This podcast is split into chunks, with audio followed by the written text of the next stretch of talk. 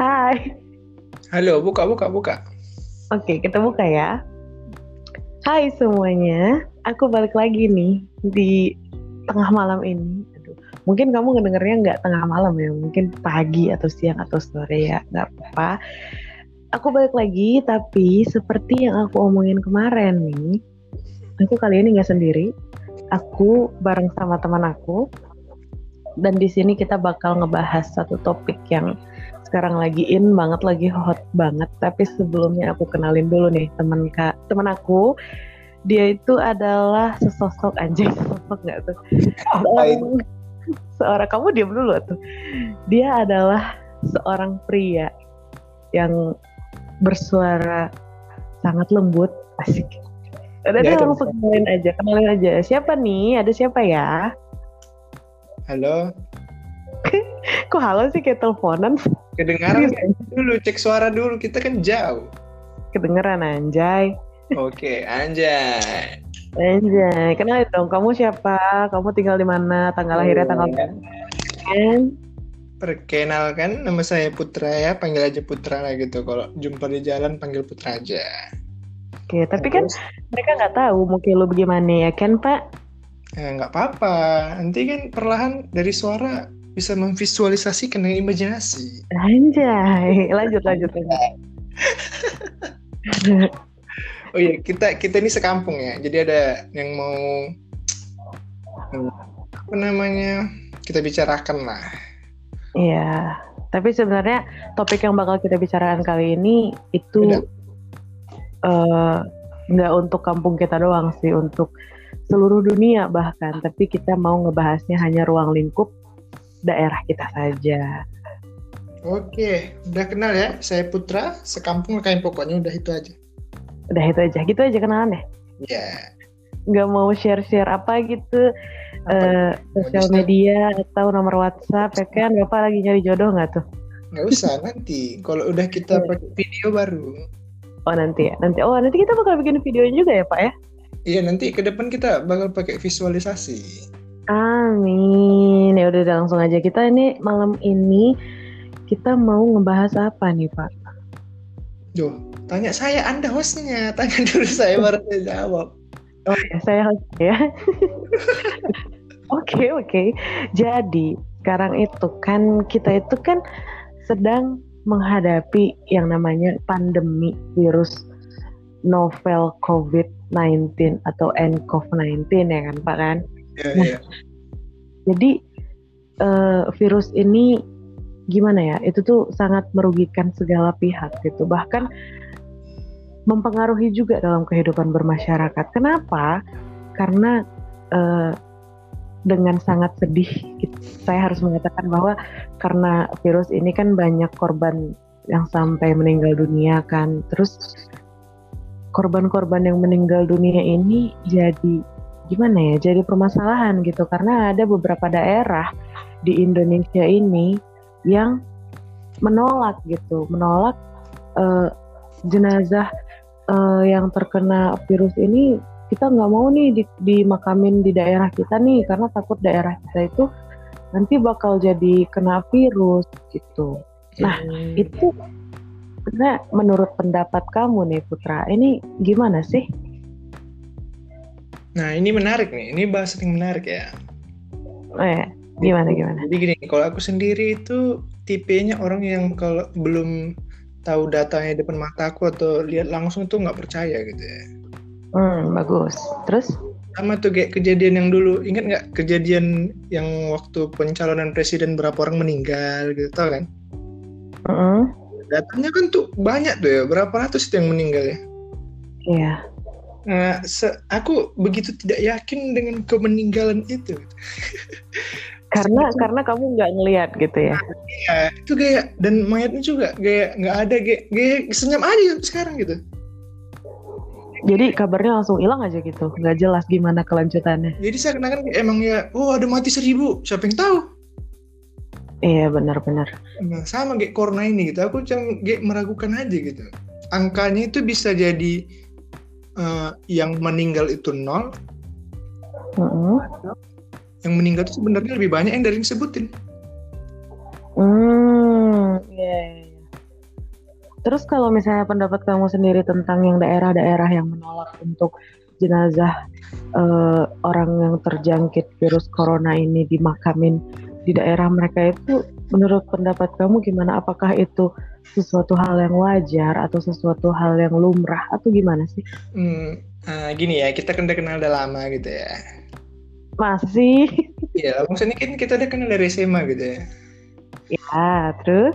Nah, jangan interview saya tuh kayak penjahat gitu. Gimana pendapat? Ya, santai aja ngobrol aja gitu, udah ngobrol gitu. Ya, aku, aku tuh gak, tersangka apa gitu atau kayak orang apa gitu tanya. Enggak, aku enggak ahli apa-apa juga.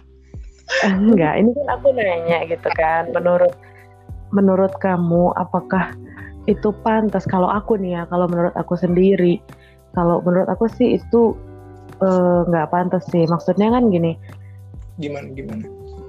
seperti yang kita tahu kalau uh, orang yang meninggal dunia karena terjangkit virus corona itu kita nggak bisa dari mulai dia masuk dari masuk ke karantina atau masuk ke isolasi kita tuh sama sekali nggak boleh ketemu sama dia sebagai keluarganya ya. Bahkan keluarga terdekatnya pun nggak boleh gitu. Apalagi pada saat mereka meninggal juga kita nggak bisa ngurus jenazahnya sendiri kita nggak bisa melihat jenazahnya kita nggak bisa at least mengucapkan salam perpisahan terakhir pun kita nggak boleh gitu. Karena emang jenazahnya langsung diurus sama petugas rumah sakit mereka yang mandiin mereka yang mengurus semua jenazahnya sampai mereka yang nguburin gitu. Kita sama sekali nggak boleh ngelihat itu, itu itu hal itu tapi belibet kan hal itu tuh udah sangat menghancurkan hati keluarganya dong. Terus ditambah lagi dengan perlakuan masyarakat yang bertindak seperti itu gitu yang bilang kita nggak terima kalau jenazahnya dimakami di daerah kita. Gimana perasaan si keluarganya? Kan makin hancur dong ya kan? Mm. kalau dari pendapat aku seperti itu. Bahkan aku pernah lihat ada satu daerah yang mereka di depan di gapura daerahnya itu mereka bikin spanduk mereka bikin poster yang tulisannya kami warga ini. Iya mereka bikin kami warga ini ini menolak jenazah virus corona dimakamin di daerah ini apa sih kayak gitu gitu kan? Eh, sedih gitu. juga sih bukan satu daerah aja juga banyak. Iya emang beberapa daerah banyak banyak banget. Tapi kan kita belum nampak nyatanya iya karena kita emang belum datang ke daerah itu gitu karena kita emang lagi di lockdown beb. Dan kita tuh salah satu kota yang zona merah walaupun belum ada gitu tapi kita udah masuk zona merah Iya, kita zona merah karena daerah kita ini adalah tempat persinggahan. Keluar masuk lah ya kan? Ya, kita pintu keluar masuk gitu. Terus uh, aku aku sih mikirnya kayak kenapa sih virus ini tuh harusnya kita kita lawan bersama, tapi kenapa malah jadi sesama kita yang malah jadi berperang gitu? Iya. Kenapa kayak rasa manusiawi di antara kita udah sama sekali hilang, udah kacau, udah itulah uh, ketika suatu kekacauan datang ya kan? Di suatu dan di situlah diperlihatkan pemikiran tingkah asli dari orang-orang di sekitarnya. Benar. Emang udah kacau banget sih dan uh, gimana ya? Kayak ini tuh semuanya tuh kayak terjadi cepat banget ya gak sih? Iya, mulai Betul. tahun mulai tahun 2020 langsung fight Gimana? Karena emang penyebarannya cepat. Iya. Dan uh, aku pernah baca juga ya. Aku baca di kompas.com hmm. katanya ada guru besar salah satu kampus ternama di Indonesia katanya sebenarnya kita tuh tidak perlu bereaksi berlebihan gitu terhadap eh, orang-orang uh, yang terjangkit virus ini ataupun jenazahnya yang terjangkit virus ini karena sebenarnya kan uh, rumah sakit pihak rumah sakit petugas rumah sakit juga udah tahu bagaimana prosedur yang tepat untuk mengurus jenazah ini gitu. Mereka juga nggak mungkin aja kan ngasal-ngasal ngurusin jenazahnya karena mereka juga diawasi dong bener kan? Jadi masyarakat tuh nggak perlu bereaksi berlebihan lah. Tolonglah hargai keluarga orang yang meninggal ini. Karena mereka udah cukup merasakan sakit nggak bisa melihat jenazah orang yang dicintai untuk terakhir kalinya. Jangan makin ditambah gitu bebannya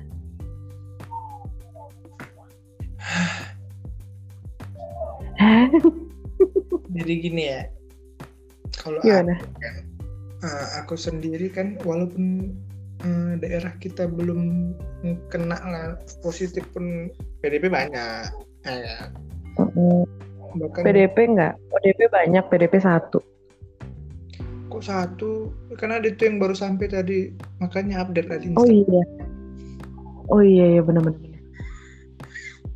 itu kan, terus kan yang tersiksanya itu, tapi bagus juga sih orang tua kita ngelarang keluar rumah, gitu kan. Curhat pak. Tapi sama Iya terus kawan-kawan kita datang ke rumah cuy iya. terus kalau masalah aku sih uh, pengennya gitu ya kan masalah-masalah miskon misinformasi mis apa segala macam tentang corona ini kayak mayat ditolak lah cara apa? Aduh itu lu main ditolak. Ini ada yang maksa mandikan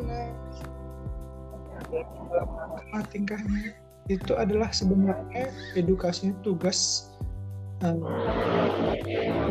di daerah kayak Kepling mungkin atau lurahnya. Dan yang terjadi adalah itu tidak dilakukan oleh mereka. Iya, karena karena mereka masing-masing pun jadi ketakutan gitu. Karena kan banyak banget ya tentang corona ini kan banyak banget berita yang simpang siur gitu. Eh, ada yang ngomong gini, ada yang ngomong gini. You know lah netizen, hello, pasti kan kalau nggak dibumbuin tuh ceritanya nggak puas ya kan. Jadi ke masyarakatnya jadi ketakutan gitu. Yang akhirnya mereka jadi sibuk menyelamatkan diri sendiri.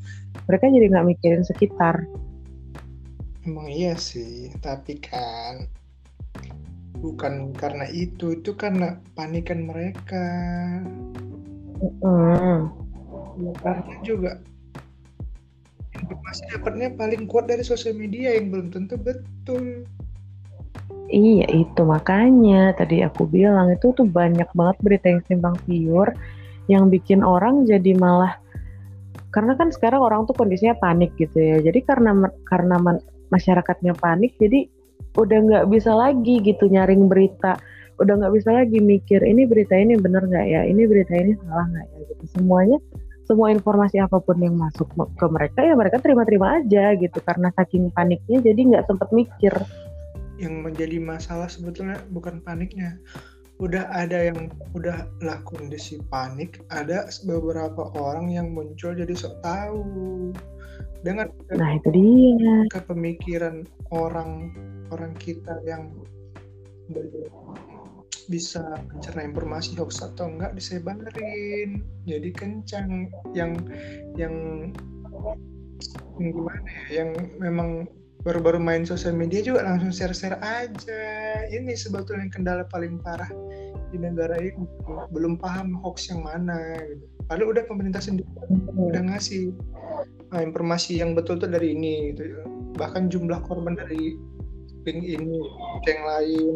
Bahkan di YouTube sendiri ada khusus link rekomendasi untuk video update berita-berita corona gitu. Mm-mm. Nah, gitu, ah, jadi masalah Indonesia.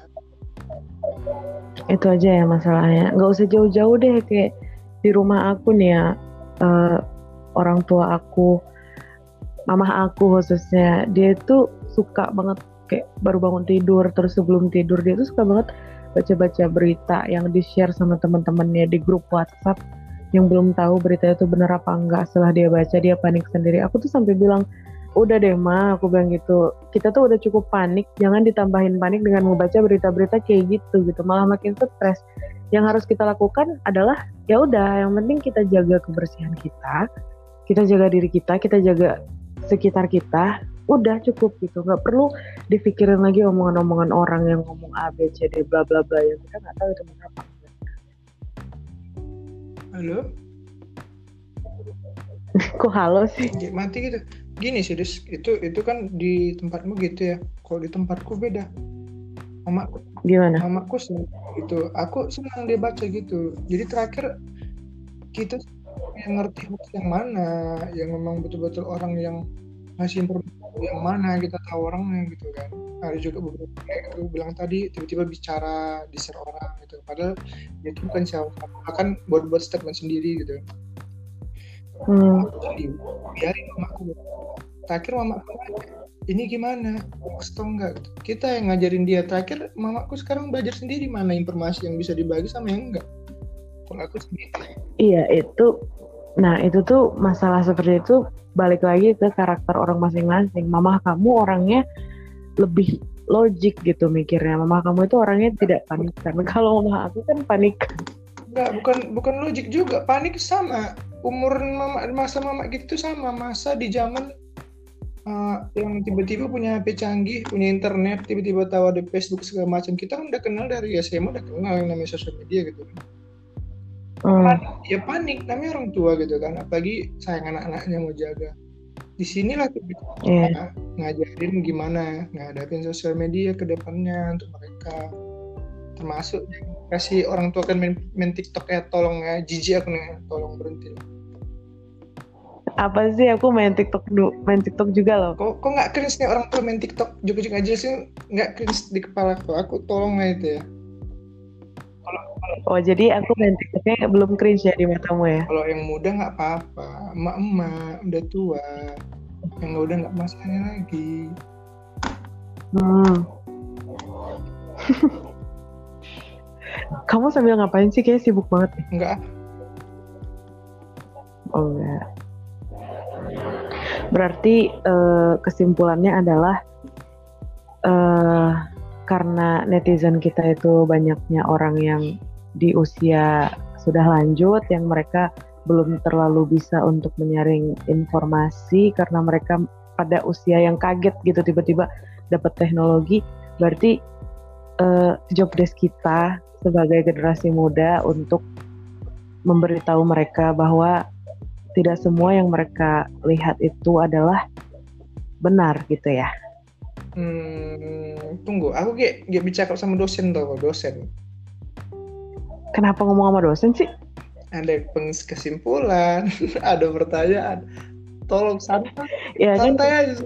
kan- kita kan sedang membicarakan sesuatu, kan kita harus cari dong kesimpulan dari obrolan kita apa gitu, Bapak. Tujuan marketnya siapa gitu? Anjay, tujuan market nggak tuh? Gak ada, ini mah ngobrol aja, sharing aja lah. Bebas aja lah ya, biar biar santai gitu loh. Iya, santai. Berhubung saya juga gabut, em di kosan ketakutan ini sendirian ya kan? Nah, gini, aku tadi juga baru nonton gitu ya, baru nonton. Hmm. Kita kita apa dulu corona ya. Oke, kita sampingkan dulu. Corbuzier sama Raditya Dika. Pioner Hmm. podcast bervideo pertama di Indonesia orang berdua kan yang paling cool lah gitu yang buat pertama kan Radit yang lain ngikut yang Hmm. paling besar itu dua orang ini lah yang paling besar menurutku yang kita yang ya. mereka tadi baru bahas gini yang bagus itu katanya podcast yang bagus dia bilang Adalah dia bilang eh, yang ngobrol biasa ngobrol biasa santuy gitu Ya, ya. tapi obrolannya itu keduanya harus harus tertarik pada obrolan itu gitu. Hmm. Itu pertama, kedua jadi eh, hostnya itu harus benar-benar jangan tahan nanya gitu. Tahu tahan nanya. Maksudnya? Contohnya, ini aku nyampein ya, aku juga baru tahu tadi kan, baru nonton soalnya. Dia bilangnya gini, Radit Hmm. bilang, "Ah, kita tuh sebagai yang jadi hostnya gitu, kita harus tahan nanya. Tahan nanya itu dalam artian, dia dia bercerita dulu, udah kita kumpulkan, kita tanya. Jadi ibaratnya kayak, ya dengerin dia dulu, dengerin kita gitu-gitu lah. Pokoknya tahan gimana pun tahan nanya gitu. Iya tahu paham. pokoknya ya, ya bebas Iya bebas. Eh bentar deh. Ini suara aku kedengarannya terlalu kecil kah atau terlalu gede? enggak kayak bising gitu kayak ada orang rame-rame Jangan gitu dong. Aku sendirian nih. sumpah aku nah itu ada orang Suara TV kali ya. Apa suara AC? Suara TV berarti. TV ya berarti matikanlah TV kau Oh jangan. Nggak berani aku. nah itu suara TV dulu Ya ntar dikecilin lah. Ini kan tes cuy, perdana Wak. Iya, Ini nanti buat episode 1, kau kan bakal lanjut. Iya. Kok aku kan bakal lanjut? Kita. Ya aku beda lagi bahasannya nanti. Oh nanti eh, gantian ya. Ya, Kau yang jadi host. ya jelas lah. Iya jelas Jadi lah. bahasan Beda. dah, Dah. balik ke topik. Oke. Jadi aku ya aku bilang tadi, aku kurang yakin dengan data-data pemerintah. Kenapa? Ya, lihat dari awal aja udah nyembunyiin gitu loh. Padahal udah ada, tapi disembunyikan. Oh iya, oh iya. Tapi bukan hanya bukan bukan cuman di sini oh. Karena aku pernah baca, baca aku pernah Hmm. lihat eh, akun Instagram kan ada tuh akun Instagram yang kayak dark side of dimension. Jadi kayak membahas membahas hal-hal yang misterius Hmm. gitu. Nah, di Cina waktu itu mereka si pemerintahnya mengeluarkan informasi bahwa orang yang meninggal karena virus corona itu cuman seribu berapa gitu. Tapi kalau dilihat dari jadi mereka ngeliatnya dari kayak kayak peta kayak maps gitu kayak peta gitu. Terus di atas kota Cina itu atmosfernya menunjukkan warna merah yang artinya war wa- gimana ya ngejelasinnya? Aku nggak ngerti deh bahasa ilmiahnya. Pokoknya kalau ada warna merah di atmosfernya itu yang kelihatan di kamera yang ada di atas sana, katanya itu artinya at least setidaknya ada 5000 jenazah manusia yang sedang dibakar. Jadi warna merah itu timbul dari gas-gas yang keluar. Gaya Apa? map kelembapan gitu ya. Iya, kayak gitulah. Aku nggak ngerti ya bahasanya apa. Pokoknya bisa timbul warna merah di eh, di maps itu artinya itu ada 5000 jenazah manusia yang sedang dibakar bersamaan karena warna merah itu timbul dari gas-gas yang keluar dari badan manusia pada saat dibakar. Sementara pada saat itu si pemerintah Cina ini bilangnya yang meninggal itu cuma 1000. Tapi kenapa yang dibakar massal, dikremasi massal itu ada 5000 orang. Berarti kan emang emang disembunyikan ya nggak sih? Eh, bisa jadi iya, bisa jadi enggak. Karena kita nggak di Cinanya juga gitu kan. Kita kan cuman kayak main opsinya aja gitu kan. Iya bener. Nah, itu itu itu menarik sih. Karena pernah juga ada pas lagi belum masuk Indonesia kan eh, korban sekian, tapi ada beberapa gaya dokter-dokternya atau perawatnya bilang enggak pemerintah bohong korban udah sekian ribu gitu misalnya itu kan banyak kemarin kan Nah, Iya. tapi kita nggak bisa gampang percaya juga kita nggak kenal orang Cina kita nggak punya coding di sana gitu kan Emang nggak tahu deh sekarang harus percaya yang mana tapi bingung. ada satu hal yang kulihat dari ngebahas betul-betul corona itu berasal dari mana gitu yang menariknya yang bikin dia beda dia mencantumkan artikelnya yang sah beserta acara-acaranya semua tuh sah. Nama-namanya siapa aja yang nyebut fakta itu. Itu keren banget menurut aku. Dan membuka. Maksudnya jadi corona itu dari mana gitu dan masalahnya? membuka mata kita lebar-lebar. Ini aku ringkaskan aja lah. Nanti aku share juga videonya gitu kan Hmm, jadi gimana? itu gini. Ternyata corona itu bukan dari Cina cuy. Jadi enggak. Ini biar ke ini aja. Penasaran gitu. Nanti nonton videonya sendiri gitu ya. Hmm, dari militer AS bukan? Eh, militer juga enggak. Enggak. Hasil Jadi? percobaan dan emang disengajain di udah masanya ada tujuannya gitu. Virus corona ini disebarin. Dan sebelum Hmm. corona ini tersebar bahkan ada konferensi orang itu rapat yang membuat eh, aplikasi eh, gaya sistem apa namanya? Sistem kecepatannya gitu. Ngerti kan? Itu rapat beberapa orang penting. Mereka mainkan aplikasi itu itu kayak simulasi lah. Kalau corona ini beberapa hari ke depan ini gimana ke depannya gitu. Itu dan betul-betul dia tunjukkan di videonya gitu. Ter- tapi di video itu ditunjukin nggak kapan berakhirnya? Dan yang paling kerennya berakhirnya nggak dia kan cuman kayak meringkas fakta-fakta sama data-datanya dan yang paling menariknya itu menjadi situs nomor satu data COVID-19 terpercaya terkini seluruh dunia internasional lucunya itu di situ gitu. dan yang Hmm. paling uniknya lagi eh, apa orang nyebutnya itu gimana ya corona kan SARS MERS kan corona juga. Mm-mm. Nah, orang itu protein apanya itu yang lebih banyak itu corona yang sekarang. Itu yang menyebabkan penyebarannya lebih cepat. Nanti kusin aja lah videonya. Kau lihat sendiri betul-betul sampai habis. Videonya cuma 18 menitan aja. Nanti aku share lagi ke kantor. Pokoknya itu. Padahal ada- padahal katanya yang lebih bahaya tuh SARS MERS ya. iya tapi penyebarannya nggak secepat corona. Corona ini ada beberapa yang di otak atik di situ.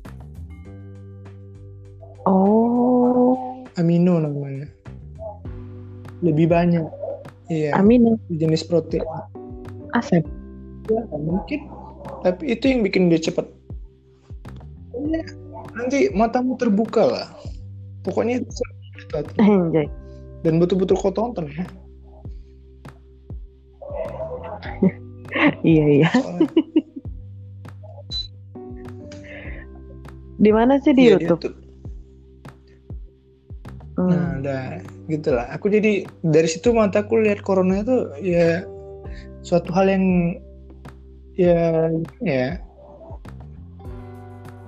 eh, prosedur yang untuk menghindarinya dijalani tapi juga jangan terlalu panik gitu. Karena kok kita terlalu panik bakal terjadi hal-hal yang anarkis kayak penjarahan segala macam gitu kan. Hmm. Iya. Tujuannya tahu. memang buat eh, satu negara itu mengeluarkan biaya di luar kendalinya sama kekacauan itu tujuannya gitu loh virus-virus ini. Gak jelas banget deh. Apa yang nggak jelas? Ya itulah tujuan mereka gitu kayak bikin kekacauan terus negaranya mengeluarkan biaya lebih itu apa untungnya buat Nah, mereka itu apa? di video yang nanti dibahas. Hmm. Mata anda akan terbuka dengan dunia ini.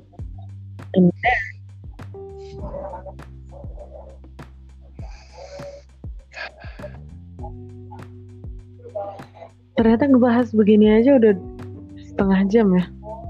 Makanya Berarti nanti kalau kalau kita bahas lebih serius lagi satu jam ada kali ya. udah, anda mau dibahas episode 2 juga nggak masalah. Ya nanti kita buat episode 2 nya lah. Kan kita jalan Ya, terus. terus. Ya lah, kalau bisa pun kita cepet-cepet ya kan bikin videonya. Hmm. Hmm. Dan aku ya pokoknya jangan sampai kota inilah karena aku pernah mimpi sebelum corona masuk Indonesia tuh aku pernah mimpi eh sebelum bukan sebelum sih pas sudah ada kabar pertama gitu yang di Jakarta kemarin aku Hmm. mimpinya gitu kau tahu nggak jalan menuju keluar Tanjung Balai itu Yang batu Nah, tujuh. iya yang betul gerbangnya itu harus selamat jalan gitu tau kan aku Ah. mimpinya kita rame-rame semua orang Tanjung Balai bawa ransel di belakang jalan keluar dari situ jalan kaki serius tapi Serius. aku pulang eh, aku sendiri pulang ke rumah balik ada yang mau aku ambil dari situ aku terbangun dan yang ku ingat dari mimpiku cuma itu aja Orang-orang yang Ya, kau lihat siapa? Tanjung? Balai nggak mungkin dari alien santun ke Tanjung Balai bawa tas ransel keluar rame-rame Ya enggak, maksudnya ada orang yang kau kenal nggak dalam aja gitu rame-rame yang ku kenal ya mamaku aku aku pulang emang ada yang mau ku ambil gitu Kau pulang sendiri? Hah? Kau Iya, pulang sendiri? gitu? aduh ge penting kalau gitu ku ambil ke rumah ini untuk balik baru keluar lagi Aduh ya Allah serem itu banget jauh sih. sebelum seram ini ya tapi nggak mungkin corona kan Ya, gitu gitu kan. Itu itu, belum- udah kayak zombie anjay. Zombie. Tapi serem lah. tapi beberapa mimpiku terjadi loh. Sama begitu Oke, itu kita bahas ya di itu kita bahas ya nanti. Nanti kita ada pembahasan khusus tentang hal-hal aneh yang kita alami dalam hidup kita yang membuat kita dipandang aneh oleh itu orang lain. podcast aku aja ya. Oke, boleh, mantap.